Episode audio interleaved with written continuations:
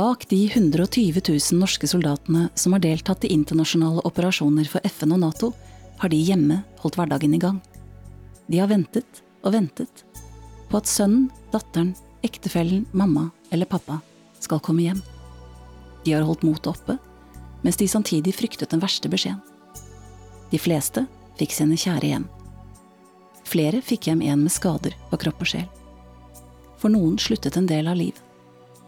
Disse familiene har gitt sitt, for at andre skal få nyte den freden og friheten vi andre tar som en selvfølge. Hver dag har de vært med soldaten der ute. Velkommen til eh, Et øyeblikk i en evighet og en eh, ny episode i det vi kaller for eh, Hjemmefra. Hjemmefra tar for seg de som satt igjen hjemme mens våre soldater tjenestegjorde i utlandet på vegne av Norge. Og med meg i dag så har jeg Tiril. Velkommen, Tiril. Takk. Og da må vi informere om at uh, Tiril er 16 år når vi spiller inn dette. Hun uh, har fått uh, tillatelse, og det har vi også, til å gi, gi, fra seg sin historie og til å formidle den. Og siden du er under 18 år, Tiril, nå, så, så skal vi bare bruke fornavnet ditt. Så du har en far som er yrkesaktiv i militæret, og som har vært en del ute på oppdrag. Husker du noen av de første gangene han reiste ut? Første gangen så var jeg veldig liten. Da gikk jeg bare i barnehagen. Så jeg husker liksom bare det fine. Jeg husker at han kom hjem og at vi fikk gaver. Eh, men jeg husker liksom ikke noe mer enn at det bare var meg, mamma og broren min, og at vi hadde mer besøk av mormor enn vanlig. Og det var første gangen. Hva med, hva med de andre gangene? For de sier du, han har vært ute tre ganger eh, mens du har vokst opp. Eh, gang nummer to så gikk jeg i sjette, så det husker jeg mye mer av. Og da var jeg mer sånn For jeg fikk får jo ikke vite så mye. Så da var jeg mer stressa, for da var jeg eldre og tenker jo på verst mulig, det verste som kan skje. Så da var jeg mye stressa og måtte ha med meg bamse på skolen nesten hver dag. Læreren min var informert om det, klassen var informert om det. Jeg var mye lei meg fordi jeg ble så stressa av det. Men jeg husker jo at um, jeg facetima han og snakka med han, og da snakka jeg mye mer med han enn det jeg har gjort tidligere. Ja, for dere snakker ikke så veldig mye om jobben til, til faren din sånn i det daglige? Vi snakker jo om det, men sånn Det er mye jeg ikke får vite, som broren min og mamma får vite, fordi jeg er yngst. Hva tenker du om det? Jeg syns det er litt sånn kjipt, men samtidig så skjønner jeg jo det, fordi det tror jeg antakeligvis mamma som har gjort det så det blir sånn, fordi mamma vet at jeg syns det er litt skummelt, og derfor liksom vil skjerme meg. Men du syns det er skummelt at han, at han reiser ut? Ja, fordi det er så mye ukjent. Jeg vet ikke hva han gjør, jeg vet ikke helt hvor han er jeg vet, eneste jeg får vite, er det som står i media, og det er jo bare det verste som skjer, liksom. Ja, Så du begynner å danne deg bilder inni hodet ditt av hva som kan skje, og hva som, hva som foregår? Ja. Hva sier faren din når du forteller det til ham? Det tror jeg ikke han er klar over. Det er bare snakka med mamma om. Ja, da får han jo vite det nå, da. Mm. Det, det, gjør han jo. Så de, de to si, siste gangene han har vært ute, da har du vært mer da har du mer erindring av hva som skjer? Altså, merker du noe f.eks. For forskjell på faren din før han reiser ut? Sånn vidt jeg vet, så liker han det, for han synes det er noe nytt, liksom. Så han gleder seg i perioden før, han snakker mye om det og snakker om at vi skal besøke han og sånne ting. Det er vel det som er forskjellen. Og så er han jo borte. Hva, hvordan opplever du at han er borte? Det tar litt tid før jeg liksom blir på en måte vant til det, eller liksom går opp for meg, på en måte. Eh, men det går jo fint, fordi jeg, det har alltid vært sånn. Snakker jo med venninner og sånn, de er sånn at du greier det, liksom. Men for meg, jeg vet bare hvordan det er å ha det sånn, liksom. Blir det annerledes hjemme når, når han er ute? Da er det jo mamma som er eh, sjefen i huset. Um, og broren min, han er jo eldre enn meg, så da blir jo jeg liksom Hvis broren min plager meg, liksom Vanligvis er det pappa da som begynner å plage han igjen, liksom, men nå er det liksom meg mot broren min, bare. Så det er ingen som støtter meg, på en måte litt sånn uh, søskenkrangel, er det du snakker om. Mm. Oppfører du deg noe annerledes når faren din er hjemme, f.eks. På, på liv da, eller på ferie? Altså, er du annerledes mot ham? Jeg tror jeg setter mer pris på pappa, fordi jeg har han ikke hverdagen ellers, liksom. Og når han da er hjemme, så er jeg jo, jeg er jo typisk pappa-jente, liksom, så jeg setter jo mye mer pris på pappa når han først er der. Um, sånn hele barneskolen da han var ute, eh, og han kom hjem igjen, så har han fulgt meg på skolen første skoledag, og han har gått i 17. mai-toget og alle sånne ting som vi liksom gjorde, hvor foreldre tenkte å stille opp, så ville jeg og pappa skulle være med. Eh, og det har han heldigvis alltid gjort også. Nå vet vi at eh, faren din skal jo snart ut igjen. Har du endret noen sånn oppfatning i forhold til hva han gjør nå? Altså, er du mer eller mindre urolig nå som du kanskje vet mer hva som skjer, eller hva tenker du om det? Jeg tror jeg er cirka likt som sist gang. Eneste er at nå skal han til et land som ikke er så mye blåst opp i media. Så jeg føler det er litt tryggere. Men samtidig så tipper jeg nok at når han drar, så blir jeg like og like sånn stressa rundt det og sånn. Når faren din kommer hjem igjen, altså, er, han, er han samme med en gang han kommer hjem, eller, eller han, er han litt annerledes uh, da? Det er annerledes, fordi familiedynamikken endrer seg jo når han er borte. Og så er det det at da er du lengst siden jeg har sett han, så da er han gjerne litt snillere, får lov til litt mer, og det er mer ja, liksom. Så han blir litt softere i, i tiden etterpå? Mm. Hvor lenge varer det, da? Det varierer jo, men sånn når han er hjemme på sånn liv, liksom, da er det hele den perioden, da er det liksom mer ja. Ja, hjemme på ferie. Mm. Har dere noen gang reist for å besøke han uh, i områdene? Sist gang jeg var ute, da dro vi og møtte han først i Kypros på ferie, og så i høstferien så dro vi til Jordan, for det er jo litt mer sånn midtøstaktig. Så var vi jo der og opplevde litt av kulturen og sånn. Det er vel det nærmeste jeg har vært. Hva tenker du om det, at du får lov å besøke han uh, i perioden han er uh, deployert? Det syns jeg er det beste, i hvert fall når vi dro til Jordan. Det var veldig spennende, og jeg, selv om det ikke er akkurat der hvor han er, så er det jo liksom samme kulturen og litt samme sånn folka og litt det samme. Jeg føler jo at det blir litt tryggere. Tenker du at uh, du kommer nærmere faren din da, når du f.eks. besøkte han i Jordan? Ja, det føler jeg. Jeg vet ikke hva jeg skal si om det. For du har levd, kan du si, livet ditt litt sånn i militæret, med en far som er yrkesoffiser. Har du noen refleksjoner rundt Forsvaret? Altså, er, det kunne, er, det en vei du kunne tenke deg å gå? Absolutt, vi snakker jo ganske mye om det, i hvert fall nå som broren min er i førstegangstjenesten. Så har vi snakka en del om det, og vi har jo snakka om hva jeg har lyst til å bli videre, om jeg vil i førstegangstjenesten, og at pappa gjerne vil at jeg skal ha et yrke i Forsvaret. Og det har jo jeg også lyst til. Jeg har jo hørt litt sånn positive ting om det.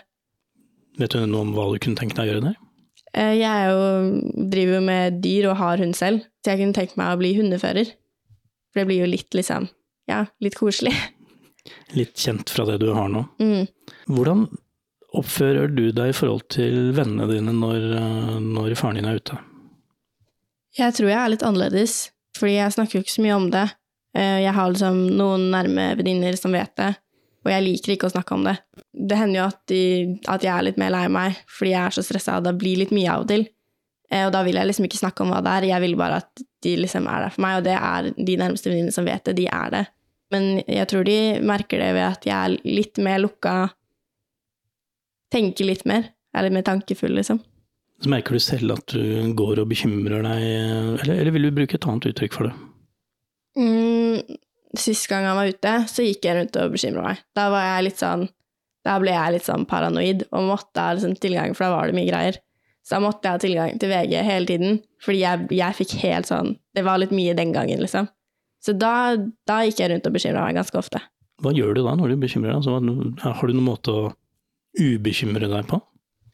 Eh, da var jeg så heldig at jeg fikk meg forrest, og det har hjulpet veldig mye. For da fikk jeg jo tankene over på noe litt annet, og så har vi jo hund også, og det har også hjulpet veldig, veldig mye. Så du har noe å ta deg av, liksom? Mm. Nå vet jo jeg at du, du rir jo veldig aktivt. Er det, er det, noe du bruker også i den sammenhengen der? Eh, ja, absolutt. Eh, så hvis det er litt mye en periode, så gjør jeg på å være mye i stallen. For da får jeg være litt i fred og få tankene over på noe annet. Trenger ikke å forholde meg til det. Er det sånn at du gruer deg når eh, du vet at han skal ut, eller er det bare noe som, som skjer? Jeg gruer meg litt, men samtidig så er det litt sånn bare noe som skjer. Men det er mer det at da blir det jo annerledes hjemme. Jeg har ikke mulighet til å få hjelp til matteleksene, liksom. Det blir noe annet. Så jeg vil si at jeg gruer meg, men samtidig så er det bare noe som skjer, så det er ikke så ille. Men, men du forstår hvorfor han reiser ut, og hva som er eh, poenget med at eh, han og, og, de andre reiser ut på disse oppdragene? Altså til en viss grad. Jeg skjønner jo at det er behov for det, og at de gjør en viktig innsats og sånn. Men jeg har ikke satt meg sånn ordentlig inn i det, så jeg vet jo bare at de gjør en viktig jobb, liksom. Når du ser på, på skolen f.eks., når du lærer om disse tingene, så tenker du noen gang på at uh, ja, i det området eller det vi snakker om nå, den der geopolitiske politikken og sånn, det er noe faren din er involvert i på et, et nivå? Ja, senest i dag faktisk. Vi begynte å snakke om sånne ting. Og da blir jeg litt mer sånn dette er et tema jeg kan litt mer om enn de fleste andre. Så det er litt mer sånn Hvis noen sier noe feil, så er det sånn Det, det stemmer ikke, liksom. I de timene hvor vi lærer om sånne ting, så blir jeg litt Jeg syns det ikke er så gøy å lære om, for jeg syns det er litt ekkelt, for det er på en måte litt, litt nærme. Samtidig som det ikke er det. Jeg vet at du har vært på disse i hvert fall med på noen av disse som Forsvarets veteranavdeling arrangerer, disse Min tur ut. Ga det deg noe spesielt å treffe andre ungdommer som også hadde mødre og fedre som er eller har vært i Intops? Litt, men det var jo mer det at nå var det jeg som dro. Pappa måtte være hjemme. Fikk ta igjen litt, liksom. Eh, og så var det jo Vi snakka jo Noen dager så snakka vi om det. Om hvordan vi syntes det var å ha foreldre i ruter og sånn. Og det var jo litt For jeg har jo ikke snakka med noen andre. Så det var jo gøy å liksom kunne dele de tanker og liksom vise, høre at det er andre som også har det sånn. Er det noe du kunne anbefale? Nå er det sikkert mange mest eh, fedre og mødre som hører på disse episodene våre, men er det noe de burde tenke på i forhold til barna? At eh, de kunne ha godt av å, å sende barna på, på sånne ting? Jeg syns absolutt det. For nå har både jeg og broren min vært der, og jeg ville jo egentlig ikke når jeg dro. Men jeg angrer jo ikke på det nå i det hele tatt på at jeg dro. Sånn, jeg har bare fått positivt ut av det. Så det er noe du, du ja, sender barna på leir? Mm, absolutt. Hva tenker du nå som faren din skal reise ut igjen, vil du gjøre noe helt spesielt i forhold til Vil du forberede deg spesielt, eller vil du gjøre som sist og bare la det, la det skje? Det blir nok sånn som sist, bare la det skje. Og så snakker jeg jo med Snakker jo litt med mamma om det, at jeg syns det er litt ekkelt, og tidligere har jeg vært en del hos helsesøster bare for å få lufta litt tanker og sånn, fordi da vet jeg at da bekymrer jeg på en måte ikke mamma, men det som plager meg. At jeg bare liksom får lufta litt det jeg tenker. Så det blir nok eventuelt det hvis ja, ser han jeg kommer dit, liksom. Nå er du jo blitt litt eldre siden sist også, kanskje moren din vil ha en annen måte å snakke med deg på, har du, har du tenkt på det? Ja, jeg håper jo litt det, da, at nå som jeg er 16 og går på videregående, liksom, at nå er jeg på en måte voksen nok til å få vite litt mer og liksom, ja, bli en del av liksom voksenpraten, da, så jeg får vite det like mye som de andre. Tror du det vil hjelpe deg sånn i hverdagen mens han er borte? Eh, ja, det tror jeg. Eh, men samtidig så er det jo noen ting som jeg setter pris på at jeg ikke har fått vite, som vi har snakka om i ettertid. Hvor mamma har sagt sånn til pappa at nå, nå holder det, for hun ser at jeg reagerer på det, liksom. Så jeg, ja, det spørs jo litt hva som blir fortalt, da. Nå er, jo, nå er det jo sånn at du, du, får ikke vite alt, og det er ikke meningen du skal vite alt som eh, faren din driver med heller, men skulle du ønske at uh, du fikk være med på mer av disse brifingene også etterpå? Mm, ja, nå er det jo sånn utreisesamling, da. Men samtidig så er det liksom ikke I hvert fall de vi har vært på til nå, så har det ikke vært tilpassa liksom ungdom. Det har vært barneopplegg hvor barna drar på Leos lekeland og sånn, men liksom i den alderen jeg har vært i, i hvert fall sist gang, så jeg, jeg skulle gjerne liksom fått vite litt mer hvor liksom vi ungdommene hadde blitt liksom fortalt litt, da, så vi visste litt, vi òg. Du sier jo at uh, du tar det som det er når faren din er ute, og du, det går greit og sånn, men altså, gjør det egentlig det? Er du Går det bra, liksom, når du, når du vet han er ute? Det sliter på min psykiske helse, det gjør det. Eh, og jeg merker det på mamma også, når vi snakker om det. I går så hadde jeg sånn foreldresamtale, og da mamma skulle fortelle det til læreren min, så fikk hun jo sånn klump i halsen liksom, og tårer i øynene. Det påvirker jo både meg og mamma, og sikkert broren min òg, men han snakker ikke så mye med om akkurat det. Men eh, det påvirker sånn Det påvirker meg mer enn det jeg tror jeg liksom vet at det gjør blir mer stille, vil være mer hjemme, mer i ro, være mer alene, mye bekymra. Altså, jeg blir generelt sett litt mer sånn litt mindre meg selv, mindre glad og tenker mer. Altså, det skjer jo at i hvert fall når jeg, han var ute og jeg var i sjette, i sjette klasse, så gråt jeg ofte på skolen, og jeg dro en del hjem fordi jeg syntes det var skummelt. Eh, og det vet jeg jo er meg selv som gjør det verre enn det det er. Men samtidig så greier jeg jo ikke å la være å tenke at det er sånn det er. Det er sånn jeg, det er det bildet jeg har lagd meg selv, liksom. Og sist gang jeg var ute, for da var det sånn koronaperiode, sånn, så da var det jo Ting var rart uansett. Da syns jeg det var enda verre, for da var det jo Fikk ikke møtt venninner like mye og sånn. Eh, og i tillegg så var han ute, så da ble det jo liksom helt annerledes hjemme. Så jeg er jo spent på hvordan det blir denne gangen om jeg har blitt eldre, og at jeg greier det bedre. Og ja, jeg er veldig spent da, på hvordan jeg takler det denne gangen. Forhåpentligvis så takler jeg det litt bedre enn det jeg har gjort tidligere, nå som jeg er eldre. Men sånn som nå, nå går du på videregående, du har byttet ut en del av vennekretsen din. Føler du at du må begynne helt på nytt igjen å snakke om disse tingene, eller, eller eh, er det noe du ikke har noe problem med? Det er jo litt vanskelig, men jeg har begynte først på en videregående, og så bytta jeg videregående fordi det var ikke riktig, riktig for meg. Eh, og den jentegjengen jeg har kommet inn i nå, det tror jeg er noe av det beste som kunne skjedd meg.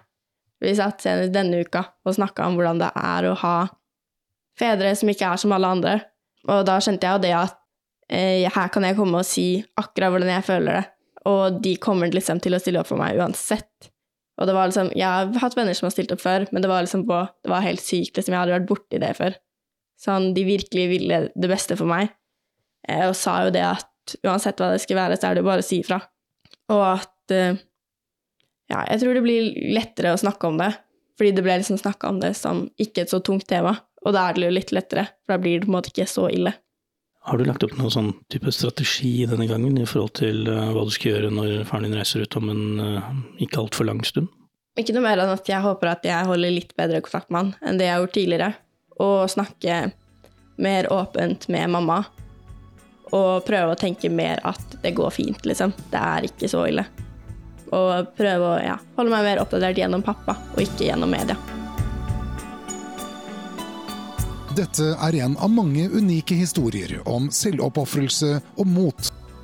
Historier som rett og slett er blitt et øyeblikk, en evighet.